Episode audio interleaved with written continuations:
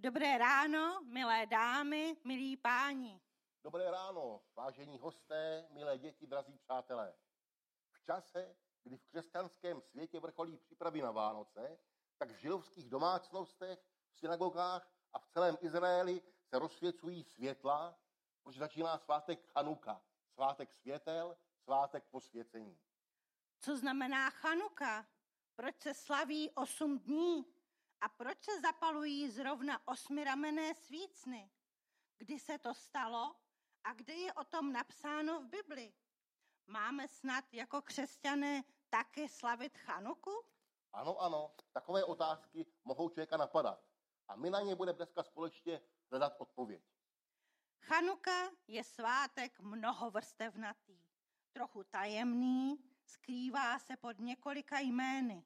Záleží na tom, kdo v něm co hledá a co od něj čeká. Je to oblíbený svátek židovských dětí.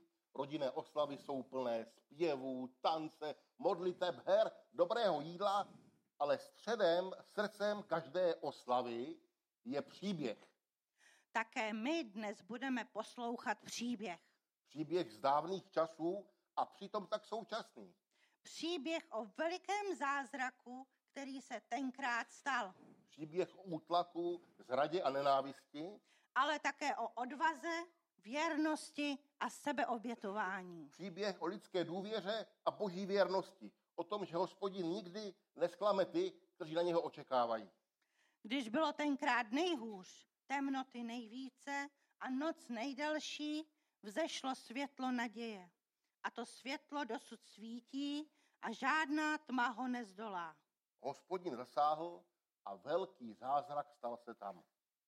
Drejdl, káča, kterou děti roztáčejí při chanuce, nám ale také připomíná, jak křehký, zranitelný, ohrožený, nesamozřejmý je náš životaběh. Jak málo stačí, aby všechno bylo rázem jinak. A jak to nejsme my, kdo rozhoduje, co nám padne. Všechno nebo nic, ber nebo dej. To on, král vesmíru, drží v rukou naše osudí. Ale hospodin se sklání ke svým věrným. Nehledí na jejich hříchy, ale pro své slavné jméno se smiloval a navštívil svůj lid. Dnes Gadol Hajašam, velký zázrak stal se tam. Velký zázrak stal se tam. Toto vyznání je srdcem Chanuky. Vyznávají je dospělí při bohoslužbě, prospěvují si je děti, když si pochutnávají na koblihách nebo roztáčejí drejdl. Toto všechno, bohoslužba, vyznávání, drejdl i koblihy, to všechno nás dneska čeká. Nuže, pospěšme do Jeruzaléma. Do Jeruzaléma. tak. Čím začít? Koblihy budou na konci, ale na počátku všeho, co kdy k něčemu kloudnému vedlo, bylo co? Boží slovo. A taky na počátku každé pořádné oslavy musí být co?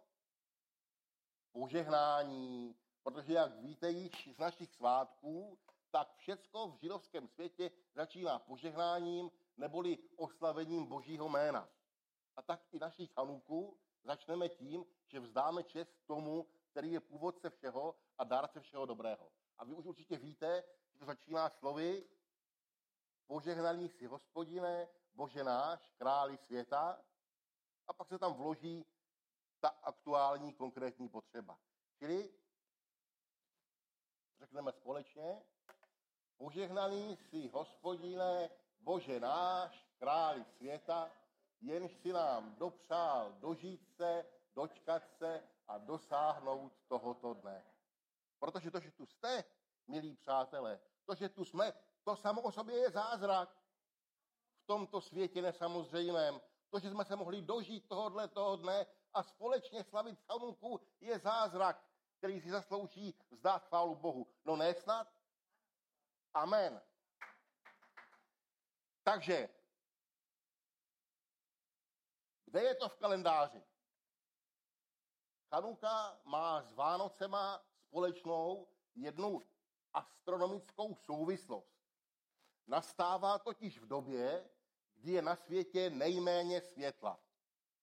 Vy určitě víte, že Vánoce jsou zvláštní svátek narození Pána Ježíše a my přesně nevíme, jestli se narodil úplně přesně na Vánoce, protože tehdy se s těma datama narození úplně takhle neblblo. Tehdy bylo jedno, jestli to je takhle. Důležitý byl rok nějaký a tak. Takže jestli to bylo úplně přesně 25. prosinec, nevíme. Ale naši církevní otcové kdysi dávno se rozhodli, že zrovna na ten slunovrat, když pohaní oslavují příchod slunce, tak zrovna právě tehdy my budeme taky slavit příchod Pána Ježíše. A podle mě to byla v tom veliká moudrost, protože jestliže, jestliže příroda zvěstuje boží slávu, tak i v tomhletom je jaksi Pánem Bohem zakódován ten zázrak toho, že když je temnota největší, tak se světlo vrací zpátky k lidem a přichází teplo a přichází světlo životodárného slunce. A tak Vánoce s Chanukou sdílejí tu chvíli, kdy se slunce na své pouti dostává nejdál a začíná se vracet. 25. prosince, to je, ten, to je zhruba ten čas, kdy se celá příroda jakoby zraduje a říká, řekne si, ano, bude jednou jaro, dočkáme se. A tak i vy, milí vězte, jednou bude líp.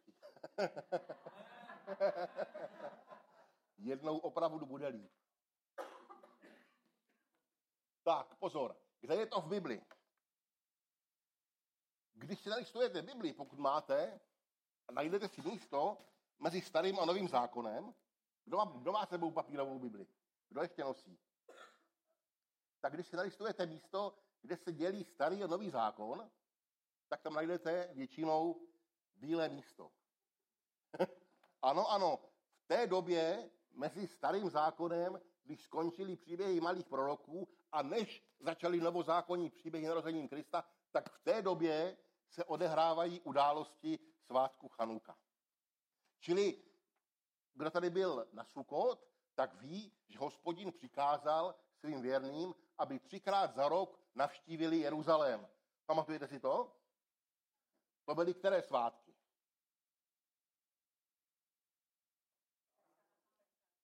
To byly svátky velikonoční, neboli Pesach, vysvobození z Egypta, potom Šavuot, letnice, kdy, kdy dal Možíšovi hospodin desky zákona na Sinaji a potom Sukot, ty stánky, kdy si připomínáme, že jsme poutníci, kteří se tímto světem vláčí až do té doby, než se dočkají toho pravého domova u, u nebeského krále.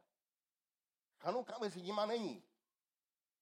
Čili Chanuka je svátek, který hospodin nepřikázal, ten svátek zavedli sami židé, no ale proč ne? Náš kalendář český je taky plný svátků, které jsme si my sami jak si ustanovili na památku nějakých událostí historických a tak. I my sami v rodinách, v osobním životě máme svátky nebo vzpomínky ustanovené sami sebou, jak si legitimně a, a, a právem, abychom o nich přemýšleli, aby nám připomínali uh, události minulé. Tak jako Češi mají svoje pověsti české, tak Židé mají svoje, kromě Bible, která má jaksi statut božího slova zjeveného hospodinem, tak kromě toho mají řadu jiných historických textů o svých dějinách a mezi nimi patří, mezi nimi patří knihy makabejské, které vyprávějí o té době mezi těmi zákony, co se dělo v té době.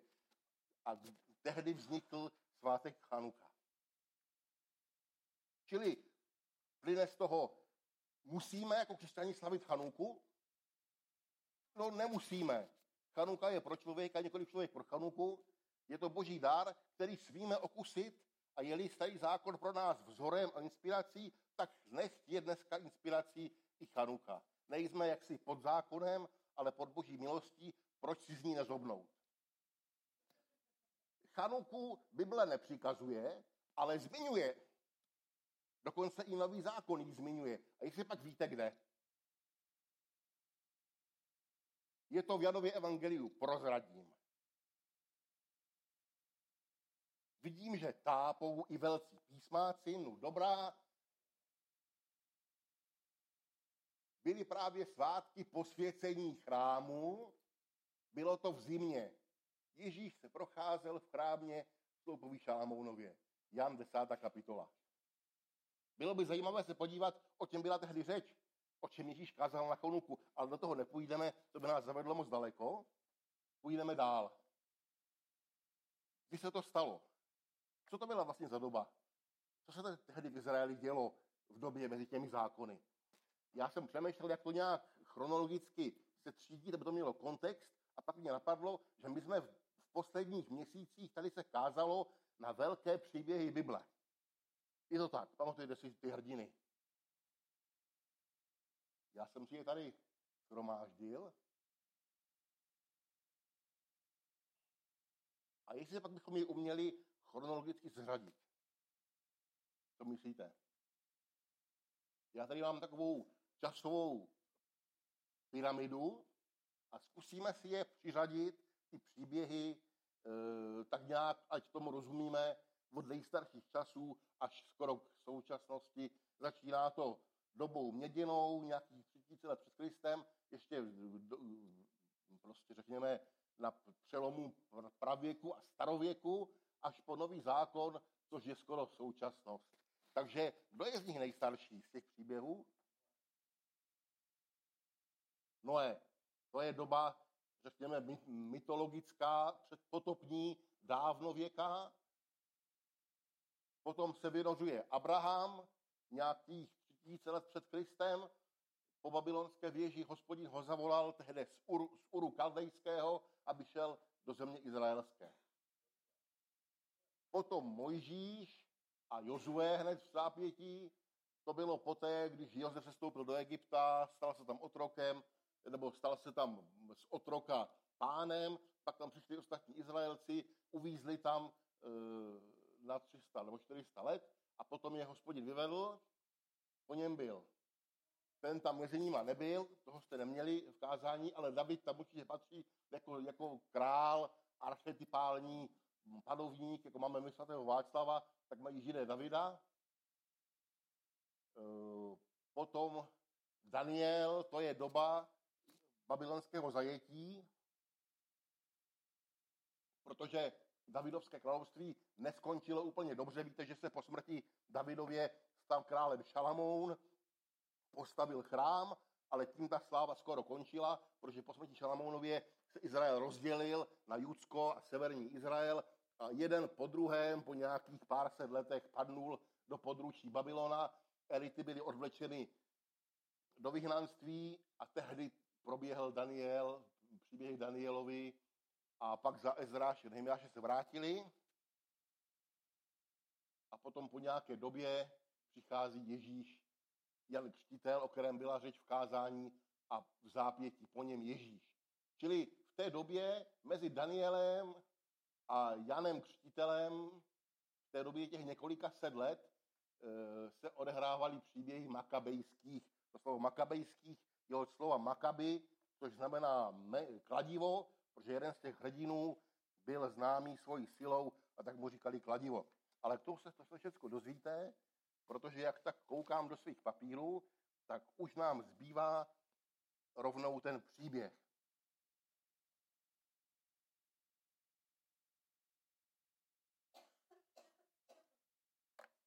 Tak.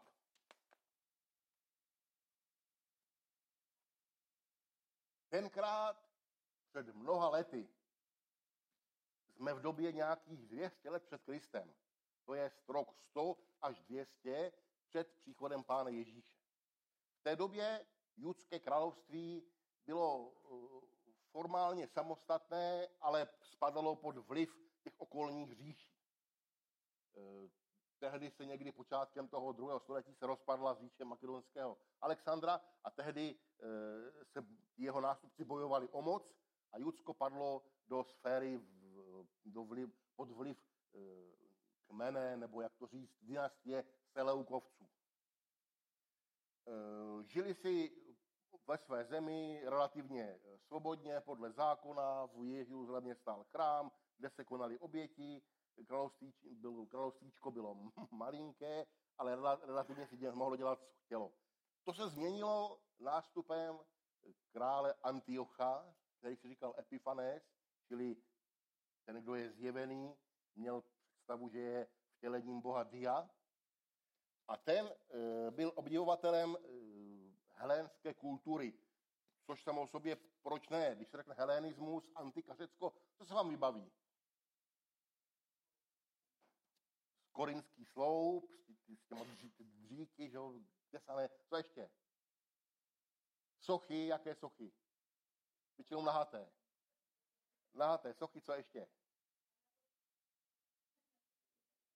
Filozofové nějací, ne? Aristoteles, Platón, humanismus, Řecko zaplavené sluncem, řecké pověsti, Herákles, že jo, to je antický svět.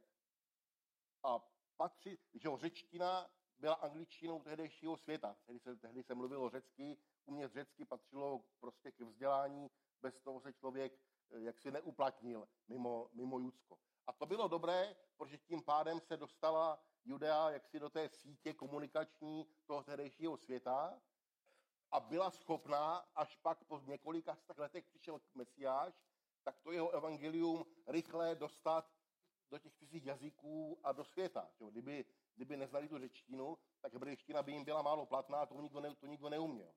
Čili jakoby patřit do toho helenského světa e, není špatná myšlenka. Avšak jedna věc je umět řecky a druhá věc je být řekem. A ten Antiochos byl prostě šílený ve své představě, že jakoby vnutí ten helenismus jakoby všem, že ta jeho říše bude jednotná a stane se prostě výspou helenské kultury. V knihách makabejských stojí. Král dal vyhlásit v celém království, že se všichni musí stát jednolitým lidem, že každý musí opustit vlastní obyčeje. Prostě snil o světě vyholených tváří a polonahých atletů, stavěl všude gymnázia, nechal v Jeruzalémě postavit stadion, kde se běhalo, jak bylo tehdy zvykem na hatí. Dokonce v jeruzalémském chrámu postavil sochu boha Dia, to je ten, to je ten Zeus, co se mu říká Diovi, že? to určitě víte, se. A obětoval v chrámu prase. Naschvál, vědomně, aby ty židy, aby, aby je ponížil, aby jim ukázal, že on je pán a že jejich podivné náboženství s podivným, neviditelným bohem, který má divné názory na jídlo a na oblíkání a na sexuální život, že si ho mají prostě zbalit a teď přichází ta modernita, teď přichází nový svět, teď přichází Řecko, teď přichází řečtí bohové. A tak nastala v Izraeli eh, nouze, nouze svědomí. Král byl v tom velice neústupný, eh, prostě ten tlak nevyčnívej, přizpůsob se, eh, ten pro nás sleduje křesťany jakoby celou, celé dějiny. Že jo, buď jako ostatní, splav s proudem, nekecej, drž ústa, buď tolerantní. To známe i dneska z dnešní doby. Ovšem Antiochos byl vládce nejenom podivný, ale, ale i krutý a jakoby měl, měl moc nad životem a smrtí. Dokonce se zdá, že eh, Daniel, když mluví o tom antikristovském závěru dějin, takže se inspiroval právě prorok Daniel, myslím, v biblické knize, takže se inspiroval právě Antiochem. Daniel píše. Který bude rozumět hádankám. Jeho paže se napřáhnou a znesvětí svatyni i pevnost.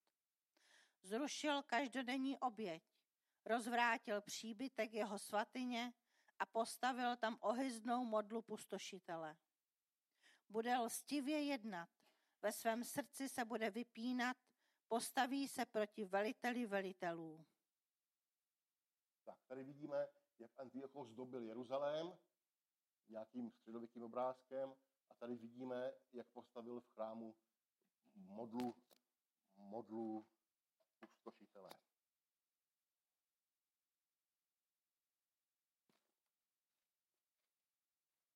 Židé byli zvěšení. Co dělat? Kam se obrátit?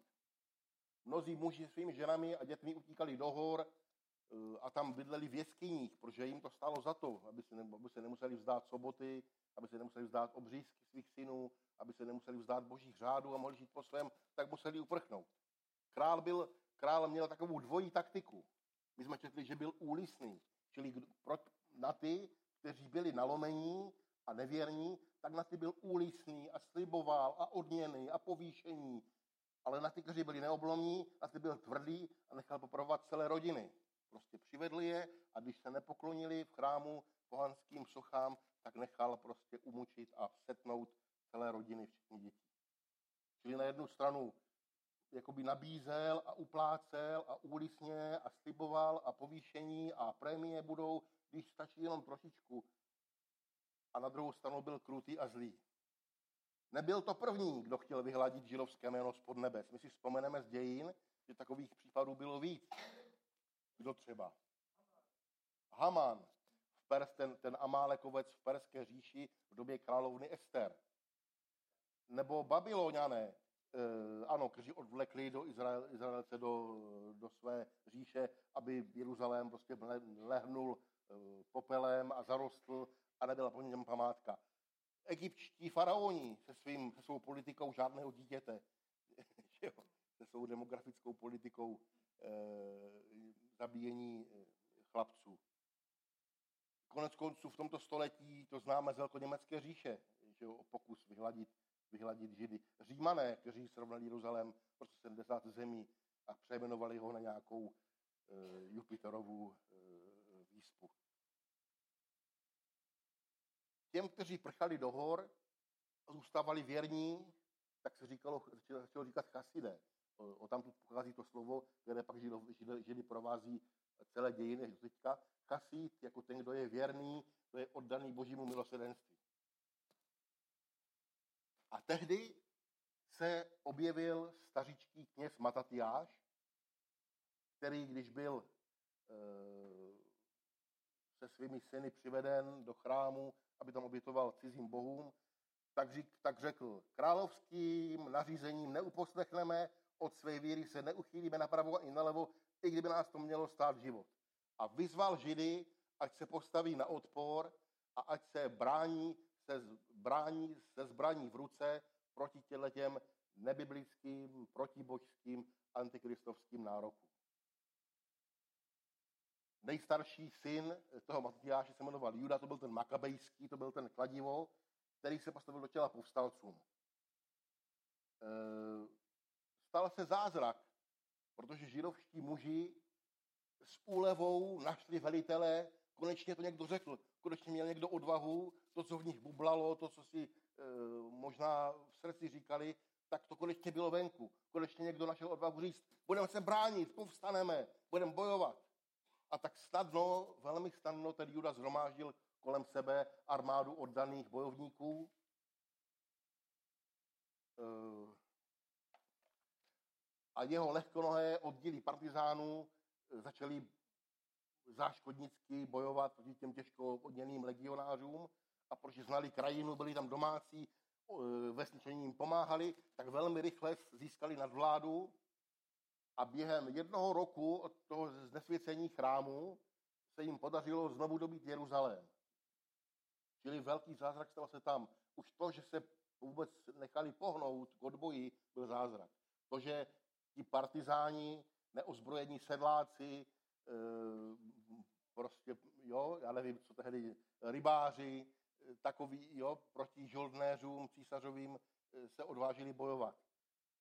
A během jednoho roku, tomu 25. Kislevu e, roku 167, se podařilo Jeruzalém získat zpět do židovských rukou, vyčistit chrám a tehdy e, nastal opět zázrak, jeden z dalších zázraků té Chanuky,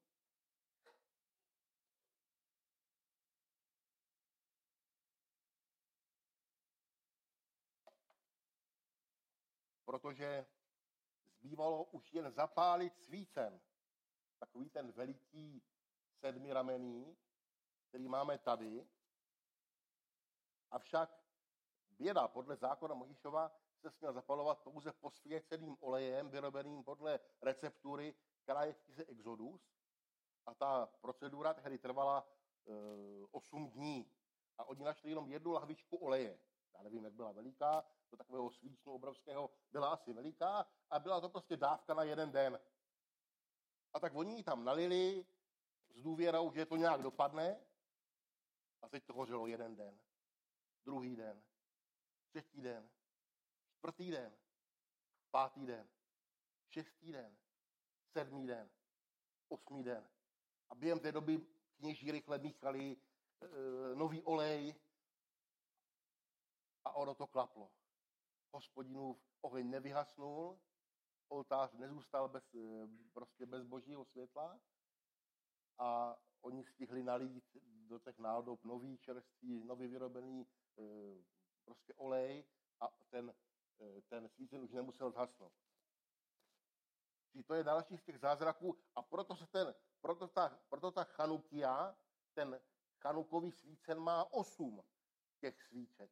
Židovský svícen menora, který mají ve znaku Izraelci do dneška, takový symbol židovství, ten má sedm svíček. Ale chanukia, která se zapaluje na chanuku, každý den jedna svíčka se zapaluje, zrovna dneska to začíná. To je z hodou okolností ten náš kalendář solární se od toho jejich lunárního liší, ale někdy se protnou a dneska zrovna, letos zrovna 18. prosince začíná Chanuka i Židům. Čili dneska zapálí jedno světlo, zítra dvě, tři a tak dále, až k tomu 25. prosinci. No není to pěkné? To jsme se pěkně kalendářně protli. Ty symboly se jakoby, ty symboly se prostě načítají.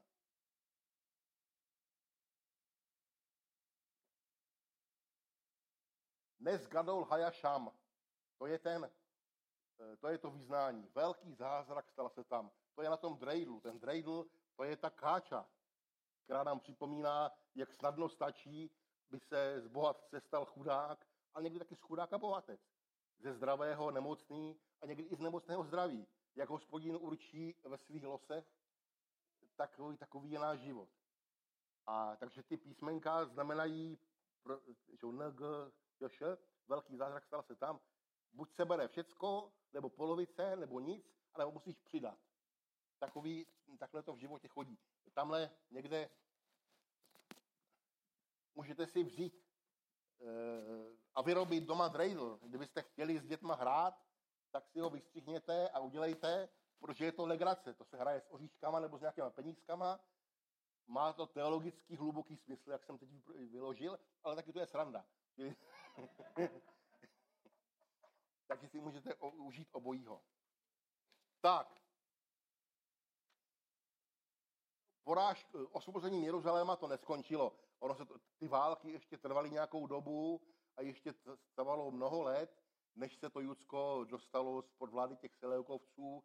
Ono se nakonec přichýlilo k Římu, aby čelilo eh, nárokům těm Seleukovcům, což se ukázalo jako dvojznačné, protože Řím rád poskytl ochranu, ale víte, jak to skončilo. Pak se stal nakonec faktickým vládcem a vládli tam prokurátoři, což ovšem v božích plánech nějak bylo, protože my víme, že, že eh, nebesa potřebovala, aby se Judea stala součástí římské říše, aby tam vedly ty římské cesty, aby tam platilo římské právo. Čili e, makabejští, kteří poprosili Římany o ochranu před Seleukovcema, tak jakoby e, na jednu stranu e, vtáhli e, Judeu pod vliv Říma, ale to se pak jako nebesům hodilo v správnou chvíli, protože ten, kdo vládne dějinama, tak už tehdy plánoval svými dalekosáhlými skutky, jak to udělat, aby se v Jeruzalé, aby se v Betlémě mohl narodit ten očekávaný král a jak to udělat,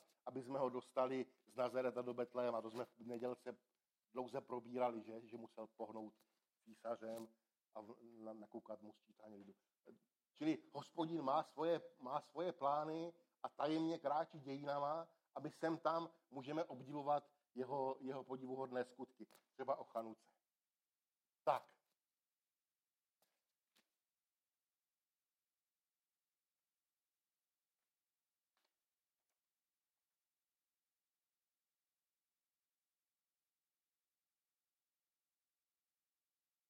Ještě krátké zamyšlení, co je vlastně zázrak. Co je vlastně zázrak? Jak byste definovali zázrak?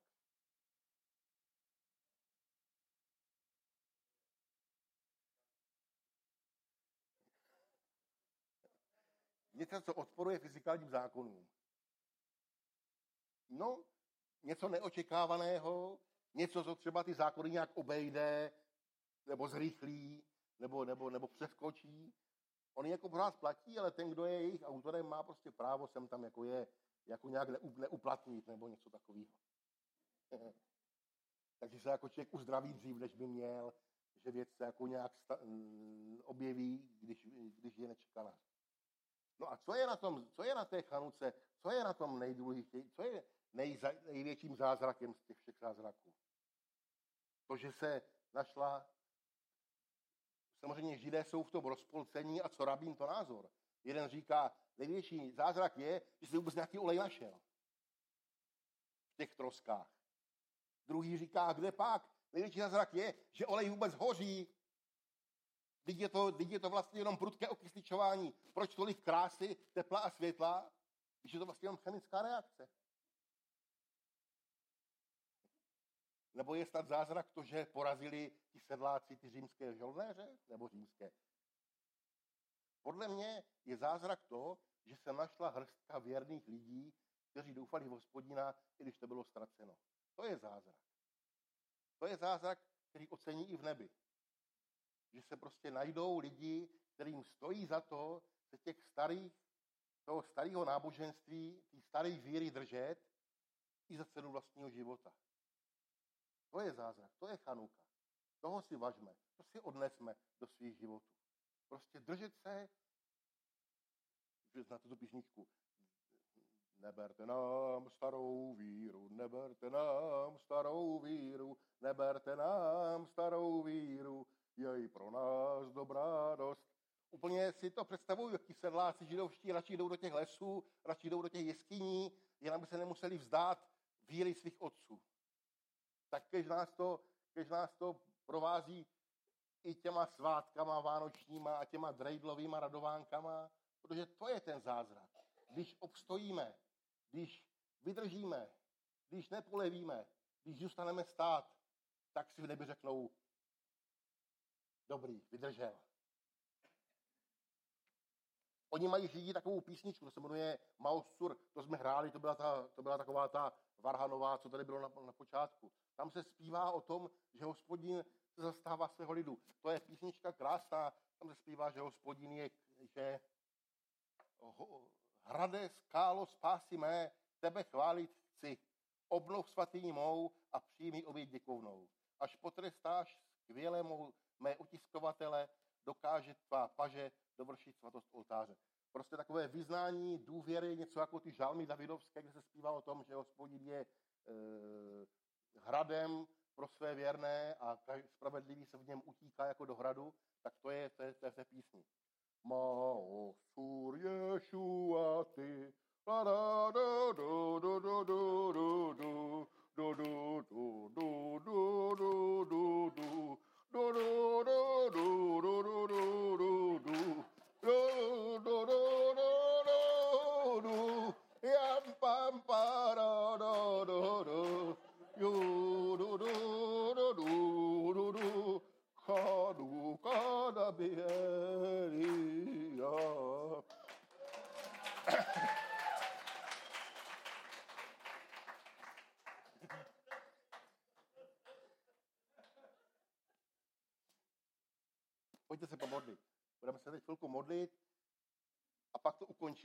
biblickým slovem. Pane Bože nebeský, my tady tak jsme před tebou a taky děkujeme, že, si, že, že vedeš svůj lid tajemně dějinama a všelijakýma zkouškama hroznýma a že dáváš i chvíle radosti a pokoje a odpočinku a že se je střídá jedno s druhým jako v tom drejdlu. A tak, pane, ti děkujeme, že jsi to ty, kdo má v rukách náš, e, náš drejdl, tu naší káču. Že to nejsme my, ani naše hříchy, ale že jsi to ty se svojí dobrou rukou, který rozhoduješ o našem životě, pane. A tak ti vzdáváme čest a chválu. Děkujeme ti, že ne pro naše hříchy, ale pro svoji velikou milost s náma nakládáš a, a jednáš. A pamatuješ na naše dobré. Víš, že jsme jen prach a přesto náš máš rád. Tak ti, pane, děkujeme za to, že tady dneska jsme a prosíme tě, kež to světlo Chanuky, kež to světlo Vánoc nám e, prostě září do srdcí, do života i do toho celého příštího roku. O to tě prosíme, Otče nebeský, ve jménu Pána Ježíše Krista. Amen.